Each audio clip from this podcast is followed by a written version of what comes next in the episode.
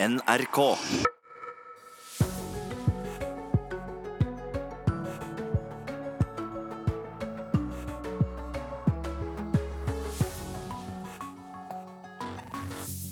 God morgen. USAs president Donald Trump sier han er klar til å møte ledelsen i Iran, hvis de ønsker det.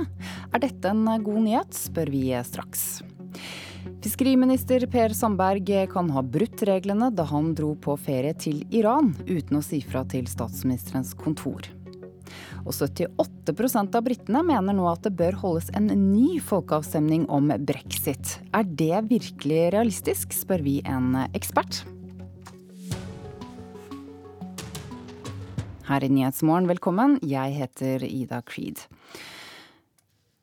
Men vi starter denne sendingen på Jæren. På Varhaug i Rogaland var det i går kveld åpen kirke etter at den 13 år gamle jenta Sunniva Ødegård ble funnet død mandag morgen. Sannsynligvis ble hun drept. Jenta skal ha snakket med kjæresten sin på telefon sent søndag kveld, da linjen ble brutt. Nå er jeg hjemme. Shit, var det siste hun sa. Linja ble bråten, og sønnen min forsøkte å ringe opp igjen. Og han ringte også kameraten hun hadde besøkt, men han hadde heller ingen forklaring. Dette forteller mora til Sunniva sin kjæreste til Stavanger Aftenblad. Den vesle bygda Varhaug på Jæren er sterkt prega av dødsfallet, som trolig er et drap. Og i går åpna sokneprest Gaute Rasmussen kirka. Vi åpner dørene slik at de som føler at de hadde et forhold og, og, og følte på noe vondt og vanskelig inni seg og sorg inni seg, skulle få komme her med sine følelser. Denne 13 år gamle jenta var meldt opp til konfirmasjon nettopp i Varhaug kirke. Og Undervisningen skulle begynne da i slutten av august måned, med tanke på konfirmasjon da i mai 2019. Så hun hørte til her, og der var det naturlig at vi åpna kirka som et samlingspunkt for å få informasjon og for å være sammen. For det er viktig å være sammen, syns jeg, i en slik situasjon. Ikke minst når det er en ungdom, og det er mange venner og venninner som, som, som, føler masse rundt denne tragiske situasjonen. Soknepresten inviterte også politiet til kirka for å unngå ryktespredning i den vesle bygda. Samtidig så ønsket vi at politiet skulle være her og komme med informasjon eksakt informasjon om det de kan gå ut med, slik at ikke rykteflommen skal gå, og da kan det ta helt av. Og han understreker at det er viktig at saka blir oppklart. Ja, det tror jeg er viktig. Det har noe med tryggheten her i lokalsamfunnet. Tryggheten for, for foreldre som har tenåringer og barn som skal vokse opp her. Vi har levd i den tro iallfall at det Varhaug var en god og trygg plass å vokse opp i, og vi ønsker at det fortsatt skal være det. Derfor er det viktig at dette blir oppklart. Hva har skjedd? Reporter Bjørn Atle Gildestad. Vi har fått i studio drapsforsker Vibeke Ottesen ved Universitetet i Oslo. Det er også funn på stedet som gjør at politiet har satt i gang full drapsetterforskning på Jæren. Vi vet ikke hva som har skjedd i denne saken. Men, og vi skal snakke helt generelt her. Du har studert drap på barn. Hvor uvanlig er det at barn blir drept? I Norge er det svært sjeldent at det skjer. Vi regner med at det der er mørketall på uh, drap, og da spesielt de minste. Men de offisielle tallene med både drap og dødelig vold, så er det si to til tre ganger i året som et minimum, da. Mm. Går det an å si i hvilke situasjoner det oftest skjer at barn blir drept? Ja. På tross av at det er eh, noe som skjer veldig sjeldent, også i Norge, så er det helt klare mønstre allikevel. Eh, og det første er jo at det er de yngste barna som er mest sårbare. Eh, de under fire år. Og etter hvert som barnet er yngre, jo høyere risiko er det. Så da at en tenåring har kanskje blitt drept, da er enda sjeldnere igjen. Så hvilke situasjoner er det mest vanlig at dette skjer? Det som er mest vanlig i Norge, hvis vi ikke ser på mørketall, for da kan vi ikke si så mye om, men de offisielle tallene Det som er mest typisk, er at eh, ved et samlivsbrudd så kan en far eh, få tanke om både drap og sjøldrap. og at han kan ta med seg det kjæreste han har. Du har uh, også de tilfellene av psykisk lidelse, eller også når det er far, at eh, han sliter økonomisk. Og igjen, da tar han livet av seg sjøl og tar med seg det kjæreste han har. Eh, mørketallene, så regner vi med at der er det de yngste barna som blir utsatt for enten eh, så alvorlig omsorgssvikt eller vold at de dør av det. Og det er vanskelig å finne ut av hvilken forelder, eh, hvilken omsorgsperson barnet bodde med, er det som er utsatt for barnet for denne volden, og, og hvilken har vært den passiv medvirkende. Og det fører da til eh, mørketall. Um, men når det kommer til tenåringer Vi har jo sett noen uh, tilfeller i uh, Norge den siste tiden der barn dreper andre barn. At tenåringer kan uh, drepe tenåringer, men også til og med yngre barn kan drepe andre barn igjen. Og da har de vært i en konflikt som, som de ikke har klart å håndtere, rett og slett fordi de er barn. Er det forskjell på Norge og andre land når det gjelder dette? Ja. Eh, I Norge så har vi eh, en svært lav rate, som vi kaller det for, for drap. Og da er antall drap per 100 000 innbygger. Og da har Norge svært få barnedrap i forhold til andre land som sier USA eller England eller Australia eller Sør-Afrika. Eh, de landene er det lov å fysisk disiplinere barn. Og da ser du at hvis det er lov å bruke fysisk vold i da å fostre og oppdra barn, så får du flere tilfeller av dødelig vold, sånn som vi kjenner til Kristoffer Kile-saken. Eh, disse landene jeg lister, de har også høyere rate av kriminalitet generelt. Og i sånne land så kan barn, tenåringer, bli involvert i kriminalitet. Og de kan eh, både drepe og bli drept i den type tilfeller. Men da har vi jo Vi har ikke dette her i Norge i eh, samme grad. Men det som, det som ehm, det som er at vi skal reagere kraftig når dette her skjer i Norge. Vi skal reagere med både følelser og tanker, og så absolutt kunnskap òg. Men det vi må vite, er at ikke engang i Norge er barn immune mot å bli drept. Verken de små eller tenåringene er immune mot dette her. Takk for at du kom hit til Nyhetsmorgen, drapsforsker ved Universitetet i Oslo, Vibeke Ottesen.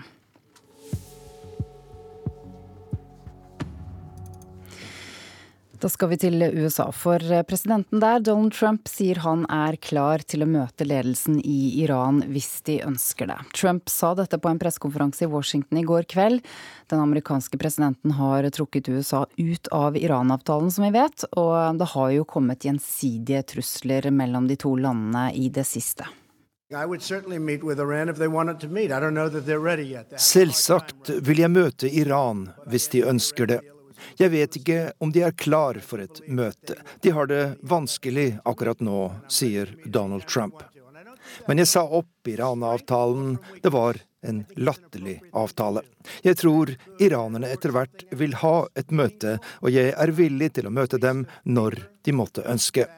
Mitt utgangspunkt er verken styrke eller svakhet. Jeg tror rett og slett at det er en riktig ting å gjøre, sier den amerikanske presidenten. Utenriksmedarbeider Arnt Stefansen, hvor eh, sannsynlig er det egentlig at den iranske ledelsen vil møte Donald Trump nå? Det er nok lite sannsynlig. Det har jo vært en isfront mellom den amerikanske og den iranske ledelsen de siste ukene, etter at eh, USA i mai sa opp eh, denne eh, veldig viktige avtalen mellom Iran og det internasjonale samfunnet. Slik at vi kan nok ikke vente oss noe møte i nærmeste fremtid. Hvordan vil du da beskrive forholdet mellom Iran og USA, hvis du skal si litt mer om det? Ja, Det er jo veldig dårlig. De har jo utvekslet eh, trusler eh, på eh, et nivå som vi sjelden ser i internasjonal politikk. iranerne truer direkte USA og sier at eh, USAs fiendtlighet kan føre til alle krigers mor. Og, da svarer da Donald Trump med sine berømte Twitter-meldinger at Du må aldri mer true USA, eh, for slike trusler kan få følger vi knapt har sett maken til, sier da den amerikanske presidenten. Slik at vi må snakke om et forhold som er eh, på et lavmål i øyeblikket. Ja. USAs president eh, Trump sier altså på denne pressekonferansen at han er klar til å møte ledelsen i Iran når som helst, hvis de vil det. Så det store spørsmålet er jo da hva er det han vil med et slikt utspill? Altså, Jeg tror vi må se dette utspillet i lys av en mer sånn generell holdning som Trump har til å, til å møte andre lands ledere. Han sa jo også dette på denne pressekonferansen i går kveld, eh, at eh, det er en god ting å møtes. Og han viste da til møtene med Nord-Korea og Russland i den senere tid. Eh, så jeg tror ikke egentlig utgangspunktet var noe brennende ønske fra Trump om å møte iranerne, men snarere for å vise denne holdningen at han mener det er en god ting at verdens ledere møtes. Ja, Trump sa at han tror iranerne etter hvert eh, kommer til å ønske et møte. Ja, på sikt kan det nok hende, men da tror jeg vi må se for oss noe konkret de har å snakke om. I øyeblikket virker det ikke som det er noe, ligger noe på bordet som skulle tilsi at et slikt møte kan gi resultater. Da må man begynne å snakke om f.eks. amerikanske sanksjoner, når det eventuelt kan komme. Slik at det er ingen grunn til å utelukke et møte, men de må, de må ha noe konkret å snakke om. Takk til deg i denne omgang, utenriksmedarbeider Arnt Stefansen.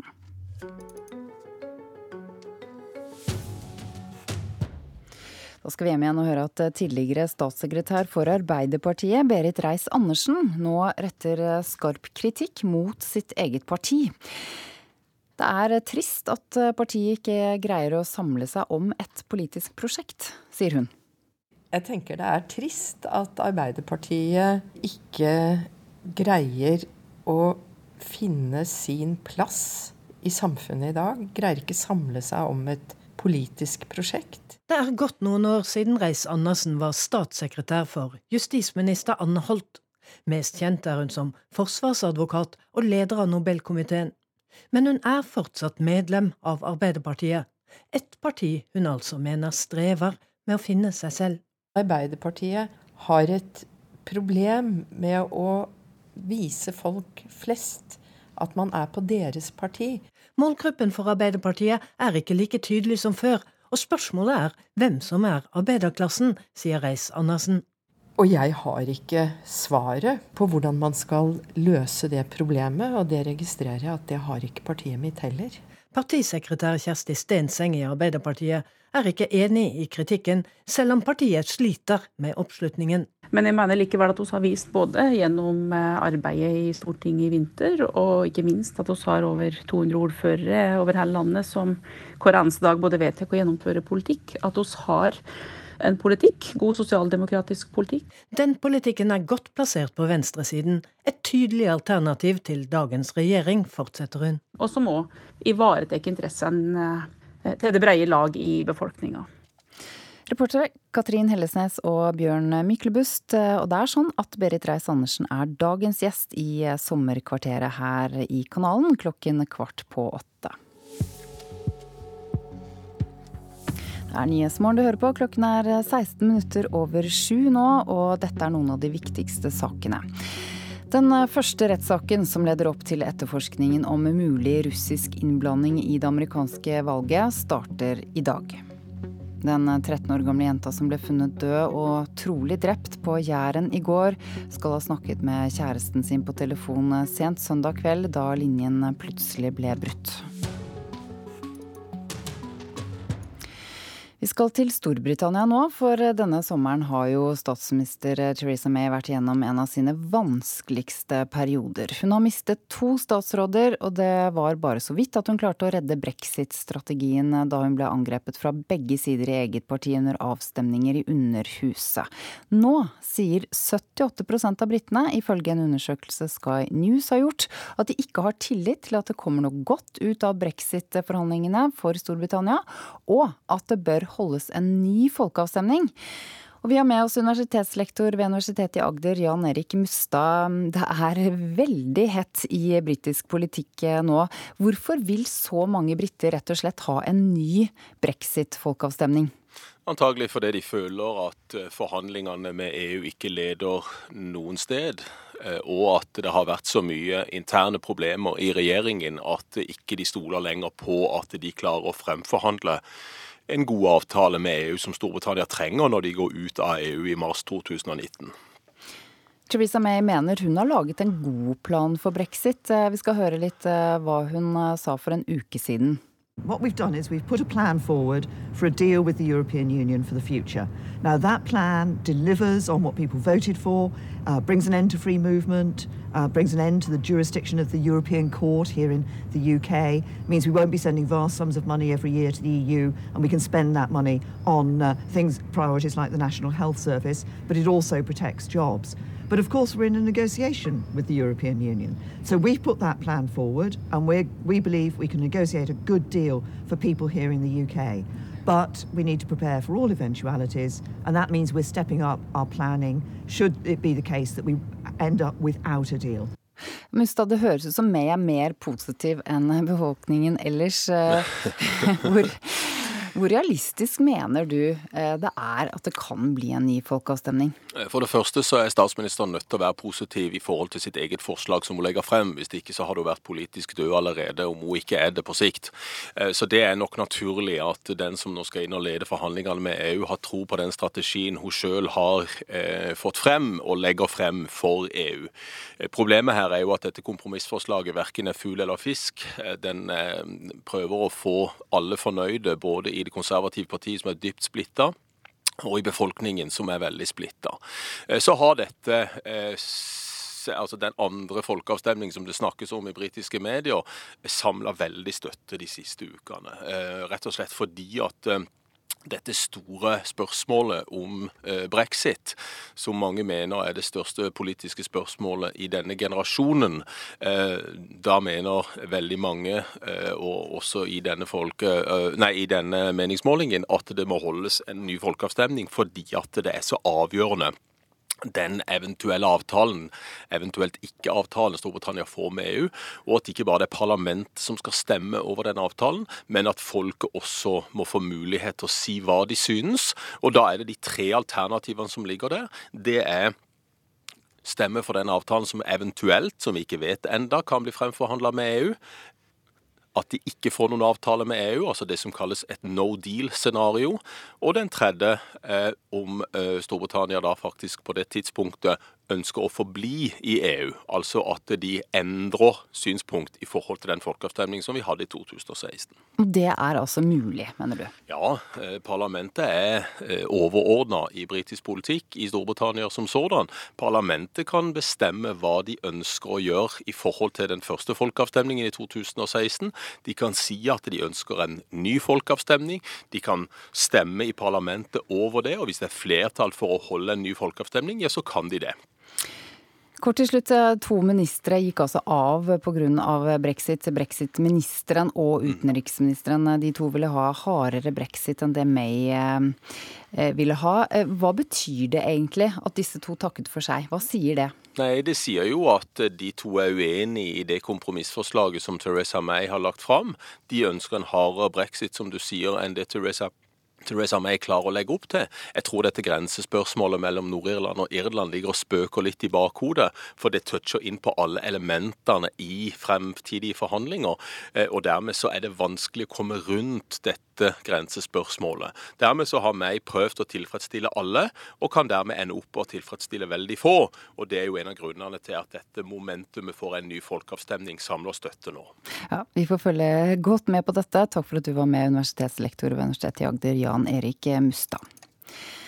Vi skal eh, tilbake til USA, for president eh, Donald Trumps tidligere valgkampsjef eh, Paul Manafort møter i dag i retten for anklager om skattesvindel og økonomisk utroskap. Dette er den første rettssaken i kjølvannet av spesialetterforsker Robert Mullers undersøkelser.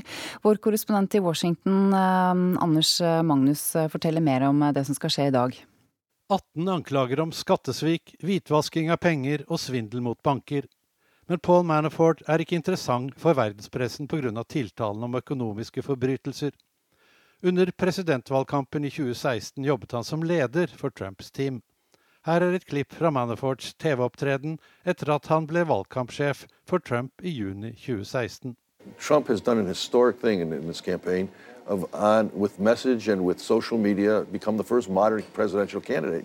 Manafort måtte likevel trekke seg fra jobben allerede i august samme år.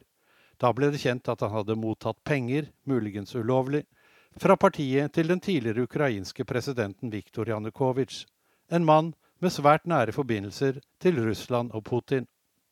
Men det er ikke Russland-forbindelsen denne rettssaken skal handle om. Dette spørsmålet skal først behandles i en ny rettssak i september. Tiltalen om økonomisk svindel og skattesvik er likevel alvorlige nok. Flere av anklagene kan hver føre til 30 års fengsel om han blir kjent skyldig. Å sitte resten av livet bak murene tok ikke Manaforts kollega Rick Gates sjansen på. Han valgte i stedet å tilstå og samarbeide med etterforskerne. Nå blir han trolig et nøkkelvitne mot Manafort, og kan også komme til å bli det i den neste rettssaken, siden han også jobbet i Trumps valgkampteam. Trump har helt siden Manafort ble arrestert, forsøkt å minimalisere hans rolle under valgkampen, og sier at han jobbet for ham i kortere tid enn det han faktisk gjorde. Well, I feel badly about a lot of them because I think a lot of it's very unfair. I mean, I look at uh, some of them where they go back 12 years. Like Manafort has nothing to do with our campaign. But I feel some, I tell you, I feel a little badly about it. They went back 12 years to get things that he did 12 years ago. You know, Paul Manafort worked for me for a very short period of time. Har så Trump noe å frykte fra denne første rettssaken? Kanskje, dersom spesialetterforsker Robert Mueller skulle vinne fram i retten. Da vil også resten av Møllers etterforskning stå sterkere, fordi det viser seg at den er basert på faktiske hendelser som er prøvbare i retten. Skulle Manafort bli frikjent, blir det derimot en seier både for ham selv og for Trump. Av de amerikanere som Mueller hittil har tiltalt, er det bare Manafort som ikke har tilstått.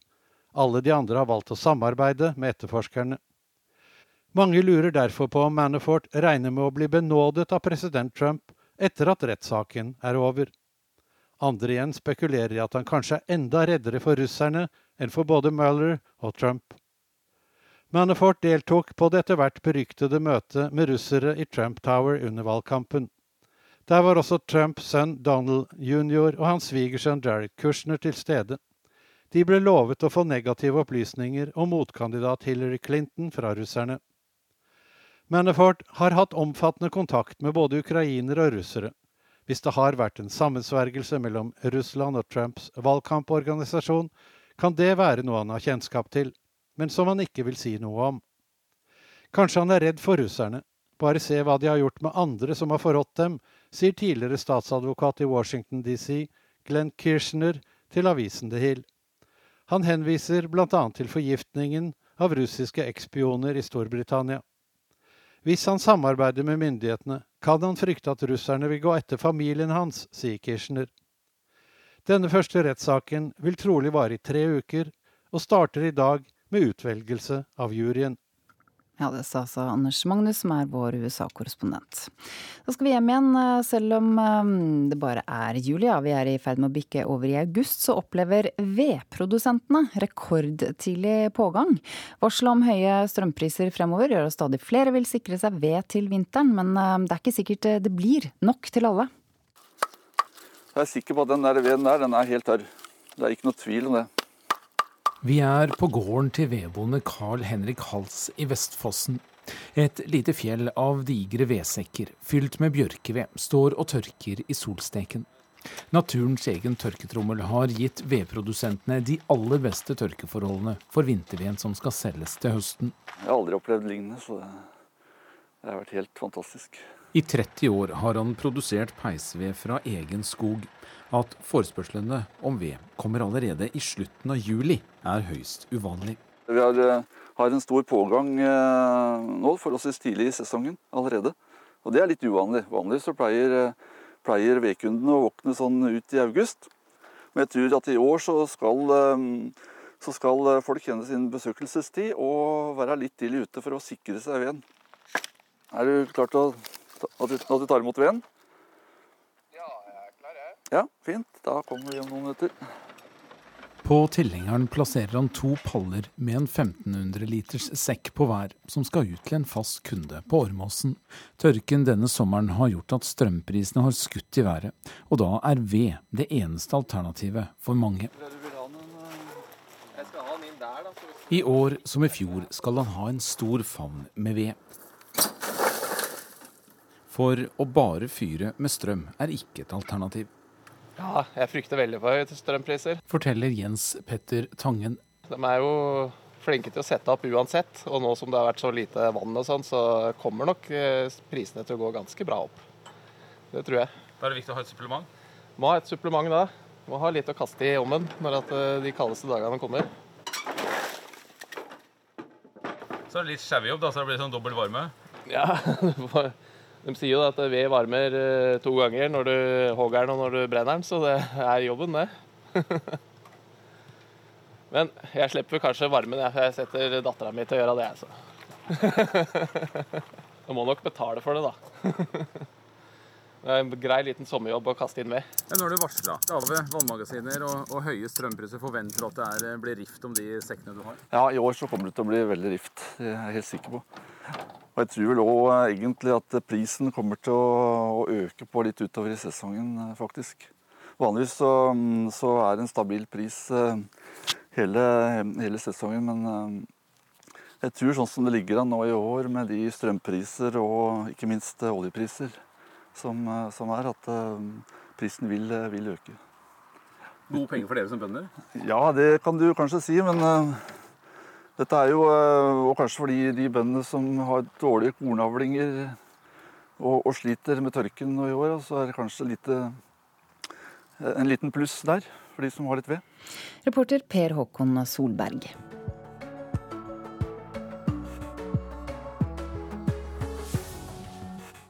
Sommer i P2. Av og til er det en utfordring å være både synlig og sårbar. Men det er samtidig akkurat det som gjør meg til et helt menneske. Og jeg er Kari Løvendal Mogstad. Jeg jobber som lege, skribent og foredragsholder. Og i Sommer i P2 i dag snakker jeg om å snu vanskelige erfaringer i livet til noe positivt, og at vi ikke skal være så redd for å feile og dumme oss ut. For akkurat det kan gi oss en god ballast til å tåle motgang i livet. Sommer i P2. I dag klokka ni.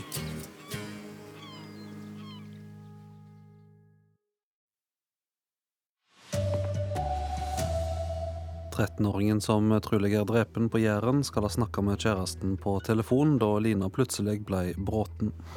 Fiskeriminister Per Sandberg kan ha brutt reglene om han ikke sa fra om at han skulle til Iran, mener Arbeiderpartiet.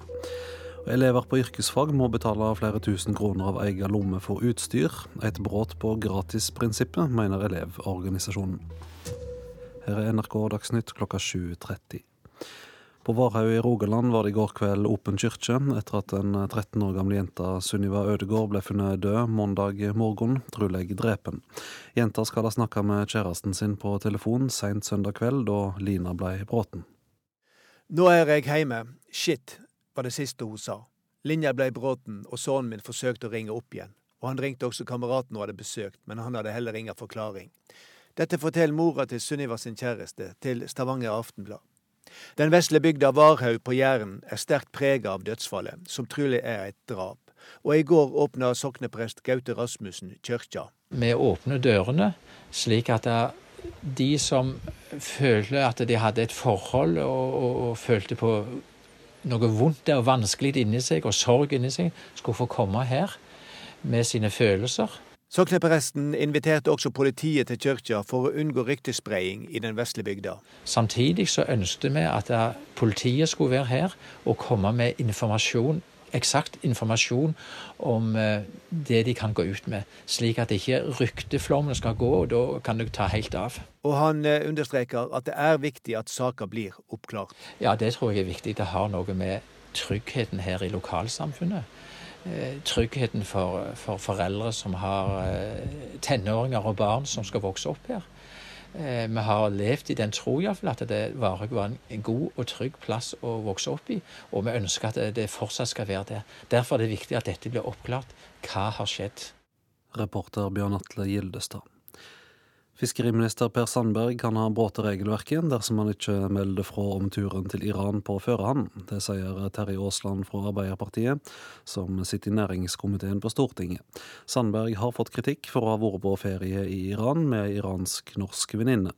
På Dagsnytt 18 i går sa han at han ikke hadde meldt fra om turen til statsministerens kontor eller til departementet. Han har en plikt på seg til å holde eh, statsministerens kontor underretta om hvor han er til enhver tid. Og på Dagsnytt 18, eh, Hvis han sa at han da ikke hadde redegjort for det, så er det jo et brudd på det reglementet. Reglementet Terje Aasland frykter Per Sandberg har brutt, heter Håndbok for politisk ledelse. Den inneholder bestemmelser og råd til politikere og administrasjonen i departementene. Der står det at det er viktig at statsministerens kontor til enhver tid vet hvor regjeringens medlemmer befinner seg, i tilfelle regjeringen må sammenkalles. Jo, jo, men uh, dem som var informert om at jeg var på reise, de var informert om det. Så uh, man ville få kontakt med meg hvis det, hvis det skjedde noe. Sier Per Sandberg til NRK mandag kveld.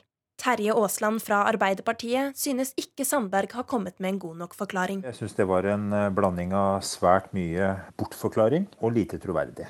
Så det er helt opplagt at det må en ordentlig redegjørelse til for eh, ulike forhold knytta til denne saken. Onsdag samles opposisjonen på Stortinget for å stille Sandberg spørsmål om hans private Iran-tur. Ja, når jeg registrerer at eh, noen fra venstresida ville stille noen spørsmål eh, rundt mine relasjoner til ulike personer, og det må, bare det må jeg respektere. Jeg må jo svare Stortinget på det.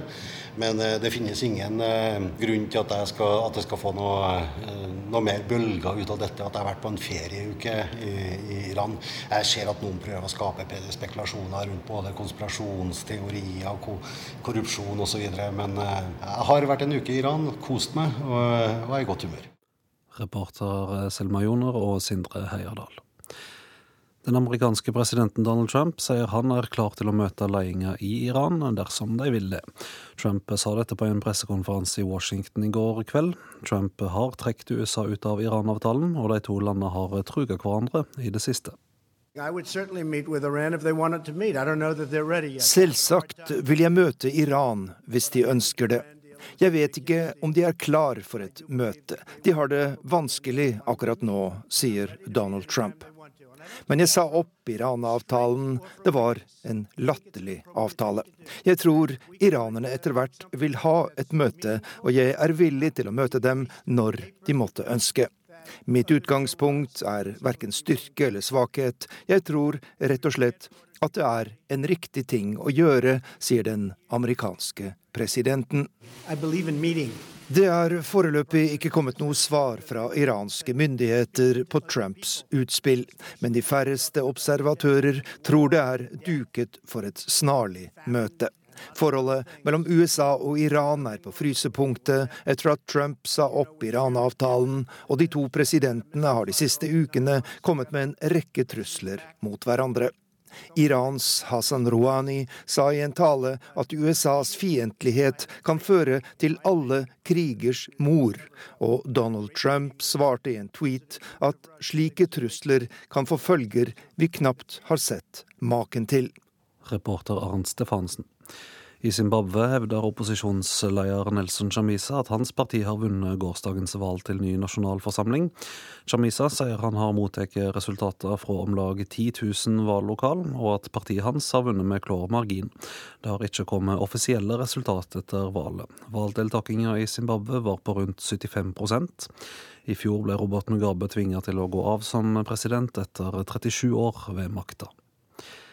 I Hellas har styresmaktene oppjustert tallet på døde etter skogbrannene utenfor Aten til 92. Over 20 mennesker er fremdeles savna etter brannene, som brøt ut mandag i forrige uke. Tidligere statssekretær for Arbeiderpartiet, Berit Reiss-Andersen, kommer med skarp kritikk mot eget parti. Det er trist at partiet ikke klarer å samle seg om et politisk prosjekt, mener hun.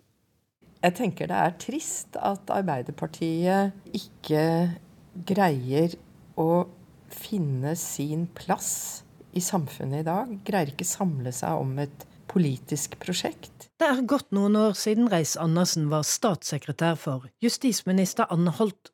Mest kjent er hun som forsvarsadvokat og leder av Nobelkomiteen. Men hun er fortsatt medlem av Arbeiderpartiet. Arbeiderpartiet har et problem med å vise folk flest at man er på deres parti. Partisekretær Kjersti Stenseng i Arbeiderpartiet er ikke enig i kritikken, selv om partiet sliter med oppslutningen. Men jeg mener likevel at vi har vist både gjennom eh, arbeidet i Stortinget i vinter, og ikke minst at vi har over 200 ordførere over hele landet som hver eneste dag både vedtar og gjennomfører politikk, at vi har en politikk, god sosialdemokratisk politikk.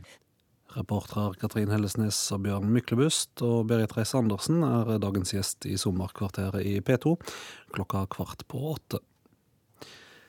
Elever på yrkesfag må punge ut med mye mer for å få gjennomført skoletida enn det utstyrsstipendet dekker, syner en undersøking. Elevorganisasjonen mener dette er et brudd på gratisprinsippet i opplæringslova. 17 år gamle Emilie Becker går på restaurant- og matfag med yrkesfaglig studiekompetanse, og fikk seg en økonomisk overrasking da skoleåret starta. Jeg trodde at dette skulle dekke uniform og knivsett og alt jeg trengte av PC og skrivebøker og penner og alt det man trenger på skolen. Da. Men jeg ble jo ganske overraska da det ikke dekket på nært alt det jeg trengte. Utstyrsstipendet til Emilie er på 3818 kroner i året. Den nyeste undersøkelsen som kartlegger stipend og bruk blant videregående elever, er fra 2009, utført av Ekon Pøyry, men kronejustert i oktober i fjor.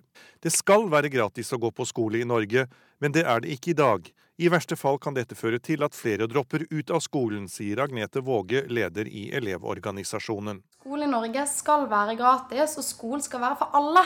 Det er noe av det viktigste prinsippet i norsk skole. det at det skal være for alle, uavhengig om du er fra en eh, rik familie, eller om du er fra en eh, familie med litt trangere økonomi.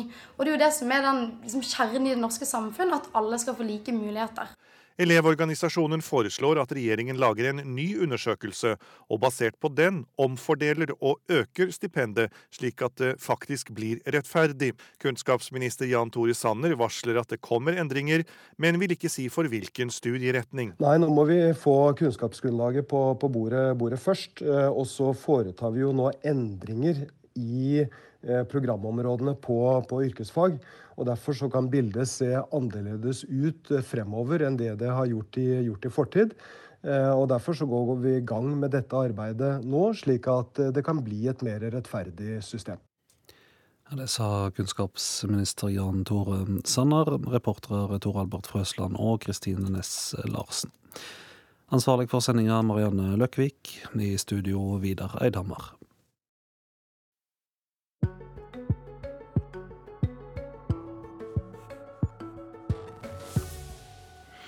I Frankrike markeres det i sommer at det er 500 år siden dansepesten rammet eh, Strasbourg. Ja, du hørte riktig. I år 1518 eh, opplevde faktisk byen en fatal epidemi av smittsom dans. It's so totally, apparently improbable it actually happened.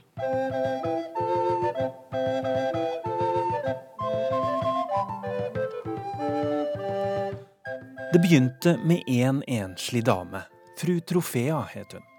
En julidag i 1518 gikk fruen ut i Strasbourgs gater og begynte å danse. Først danset hun alene, uten musikk og uten stans. Men i løpet av noen få dager heiv stadig flere andre seg med i dansen. Within a few weeks, you've got hundreds of people who for longer or shorter periods of time have been dancing. John Waller er medisinsk historiker og har skrevet boka 'En tid for å danse, en tid for å dø'. Om en av de kanskje merkeligste sykdomsepidemiene i historien. Det kunne være fristende å avfeie det hele som sagn og oppspinn, men det er faktisk godt dokumentert. Byrådet i Strasbourg førte nemlig sirlige referater fra sine diskusjoner om hva de skulle gjøre, og kom fram til at det beste var å la folk danse ferdig. So they hired musicians. They hired what they called strong men to keep the dancers on their field. They even built a stage uh, right opposite the horse fair in the very heart of the city. Byen bygde scener, leide inn musikere og sterke menn som vakter. Folk danset bokstavelig talt til de stupte. These people were not eating much, they weren't drinking much. Not surprisingly, and the chronicles are really insistent on this, people began to die. Hundrevis av mennesker var smittet av dansepesten, og dansen varte til langt utpå høsten. På det verste skal det ifølge en av datidens kilder ha dødd 15 mennesker om dagen i Strasbourg.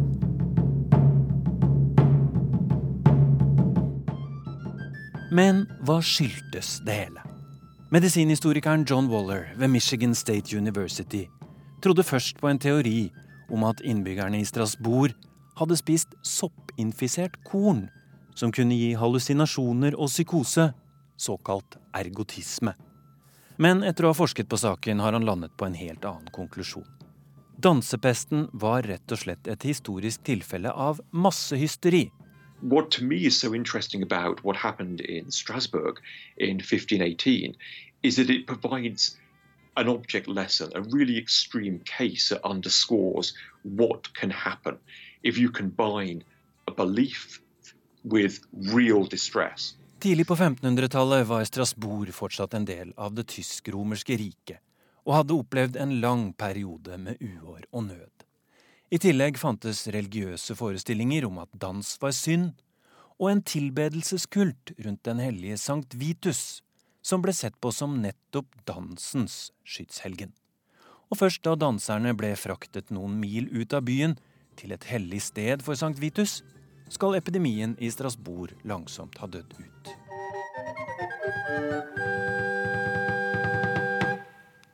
Reporter her var eh, Tore Moland.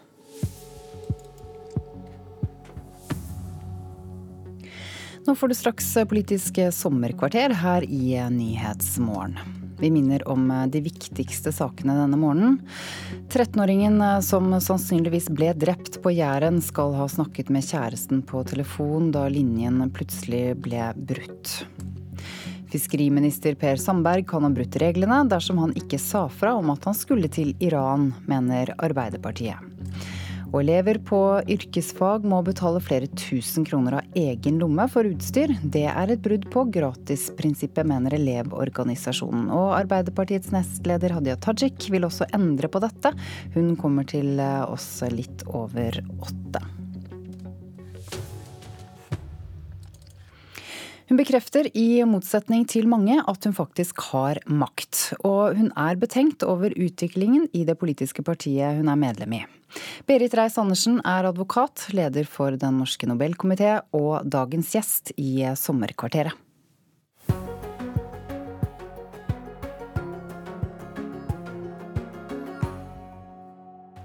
Hvor lang ferie tar du?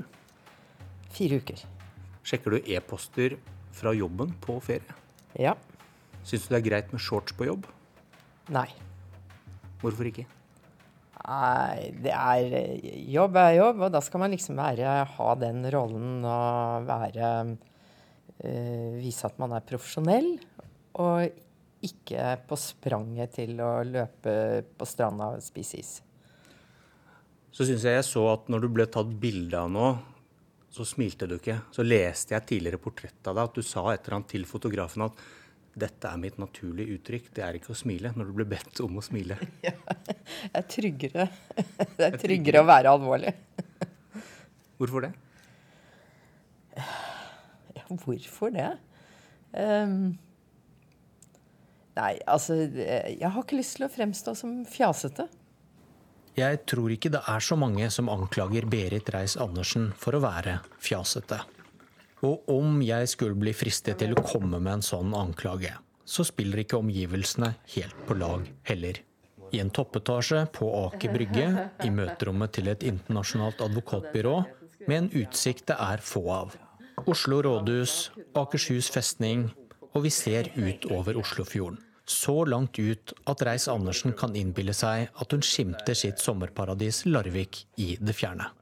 Denne, Å se ut på denne fjorden, hvor det er litt kjølig vinddrag, ikke så mye lyd, jobber bedre. I disse tidligere intervjuene som jeg nå har lest meg litt opp på, da, så, så, så jeg at du svarte en gang hva er din styrke? Jeg er hardtarbeidende, sa du da. Det kan man tro på. Og så svarte du hva er din svakhet? Jeg er lat. Ja. En veldig slitsom kombinasjon. ja. Alltid dårlig samvittighet. Enten om man er det ene eller det andre. Uh, nei, men begge deler er sant. Jeg er hardt arbeidende. Jeg jobber mye. Men jeg er også utrolig glad i det bedagelige. Um, sove sent, selv om jeg veldig sjelden greier det. Um, ligge i hammocken å lese i fem timer i strekk, det kan jeg godt greie. Altså en roman. Um, men, men, men hva, hva, forklarer da, hvis du har denne latskapen i deg, at du likevel ender opp med så krevende oppgaver og så mye jobb? Hva, hva finner vi da?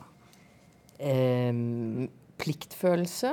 Uh, jeg jobber mye fordi jeg har en angst for å ikke gjøre ting bra nok. Jeg vet at man blir mye bedre hvis man legger arbeid i det. Så det er, eh, det er veldig mye sånn litt eh, redsel for å dumme seg ut som driver meg frem. Du har vært eh, politiker, du er leder i Nobelkomiteen. Du har skrevet to bøker, men du er først og fremst advokat? Jeg er først og fremst advokat. Det er hva skal jeg si, det profesjonelle fundamentet i livet mitt. Og det er um, advokatrollen, den tenkningen som ligger i det arbeidet jeg gjør som advokat, som nok har preget eh, de andre oppgavene jeg har. Og så kan man tenke seg hva har det med Nobelkomiteen å gjøre? Jo, ganske mye. For det første er det forbløffende mange fredsprisvinnere som har vært advokater. Um, fordi det er en rolle Altså, Juss det forklarer veldig mye hvordan samfunnet fungerer. Hvordan beslutninger tas, hvem som bestemmer. Og um, dette med rettsstatsprinsipper er en veldig viktig del av demokratiet, og en veldig viktig del av rettsregler er også et viktig fundament for fred. Både hvordan man skal løse konflikter, men også hvordan man skal um, organisere samfunnet slik at uh, man har alternative løsninger enn væpnede konflikter uh, når uenighet og friksjon oppstår. For det oppstår. Det oppstår alle steder hvor det er mennesker. Men så har du sagt at uh, den korte tiden som politiker, som statssekretær i Jaglands regjering, uh, det er det morsomste du har gjort. Hvorfor var det det? Ja, altså det var jo, det var jo noe veldig nytt uh, og annerledes. Altså det er jo helt klart en helt annen rolle å være politiker. Og så var jeg Jeg var det bare en veldig kort periode. jeg var det i et departement som også var mitt fagfelt. Og det å da være i en posisjon man kan være med og bestemme hva, hva skal vi gjøre på dette fagfeltet, det er jo noe helt annet enn å være eh, advokat, hvor du forholder deg til de rettsregler som gjelder. Da kunne jeg ha innflytelse på hvilke rettsregler vi burde ha. Eh, du har sagt at du elsker å være i retten og prosedere. At du aldri mm. kommer til å slutte med det. Eh, du er leder i Nobelkomiteen. En profilert, framskutt uh, rolle. Har du, har du, behov for en scene? Jeg har, um, jeg har iallfall behov for en talerstol. Det har jeg. Og jeg er nok litt ekshibisjonist, men jeg er også veldig introvert. Jeg trenger mye alenetid. Jeg kan bli veldig sjenert i forsamlinger. Ja, avskyr minglesammenkomster. Da går ikke jeg og kvitrer liksom gruppe til gruppe. Um, da blir jeg ofte stående i en krok hvis jeg ikke finner én morsom person å snakke med. Lat og introvert, men hardtarbeidende i framskutte posisjoner. det, igjen, det høres litt slitsomt ut. ja, men er ikke de fleste mennesker litt sammensatte? Litt av hvert. ikke sant. Har du makt? Ja, jeg har makt. Eh, jeg har langt ifra mest makt i Norge. Eh, altså, jeg har lagt merke til at folk sier Benekter veldig ofte at de har makt. Um, og det er ikke nødvendigvis et koketteri. Kanskje er det det også. Men i et demokratisk samfunn så er det ingen som føler at de har mye og ubegrenset makt. Det tror jeg statsministeren også føler, at hun må jo føre tøffe kamper for å få gjennomslag for det hun ønsker. Så ingen har ubegrenset makt. Og det å ha makt har du i Norge sammen med mange andre. Um, og da har vel kanskje folk en tendens til å svare at de har innflytelse.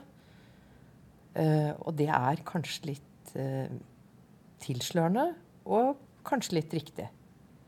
Nå er dette en slags rød tråd i disse sommerintervjuene våre, så da spør vi dere jo eksplisitt om det. Men er det at du har makt, noe du reflekterer over sjøl i, i, hverdagen, eller stopper opp og tenker på det? Nei, da tror jeg kanskje man ville bli litt høy på seg selv.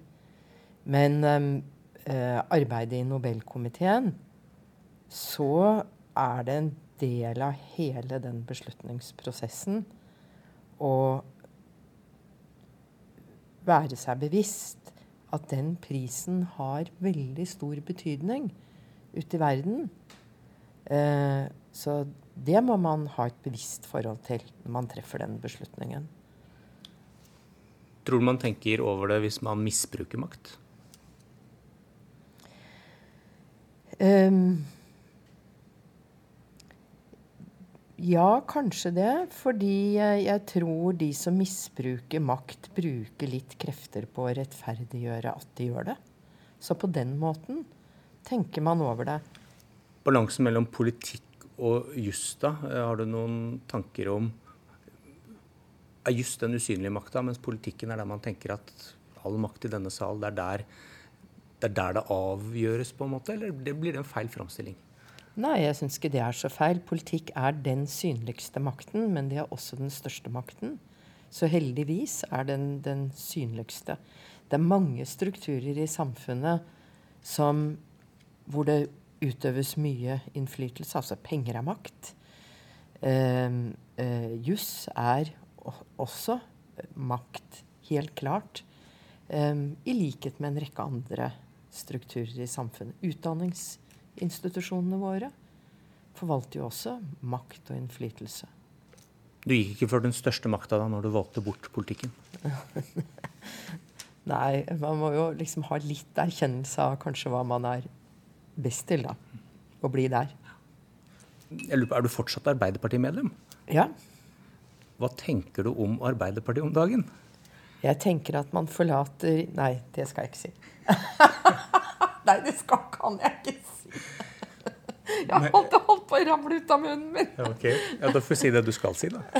uh, nei, jeg tenker, jeg tenker, det er trist at Arbeiderpartiet uh, ikke greier å finne sin plass i samfunnet i dag. Greier ikke samle seg om et politisk prosjekt.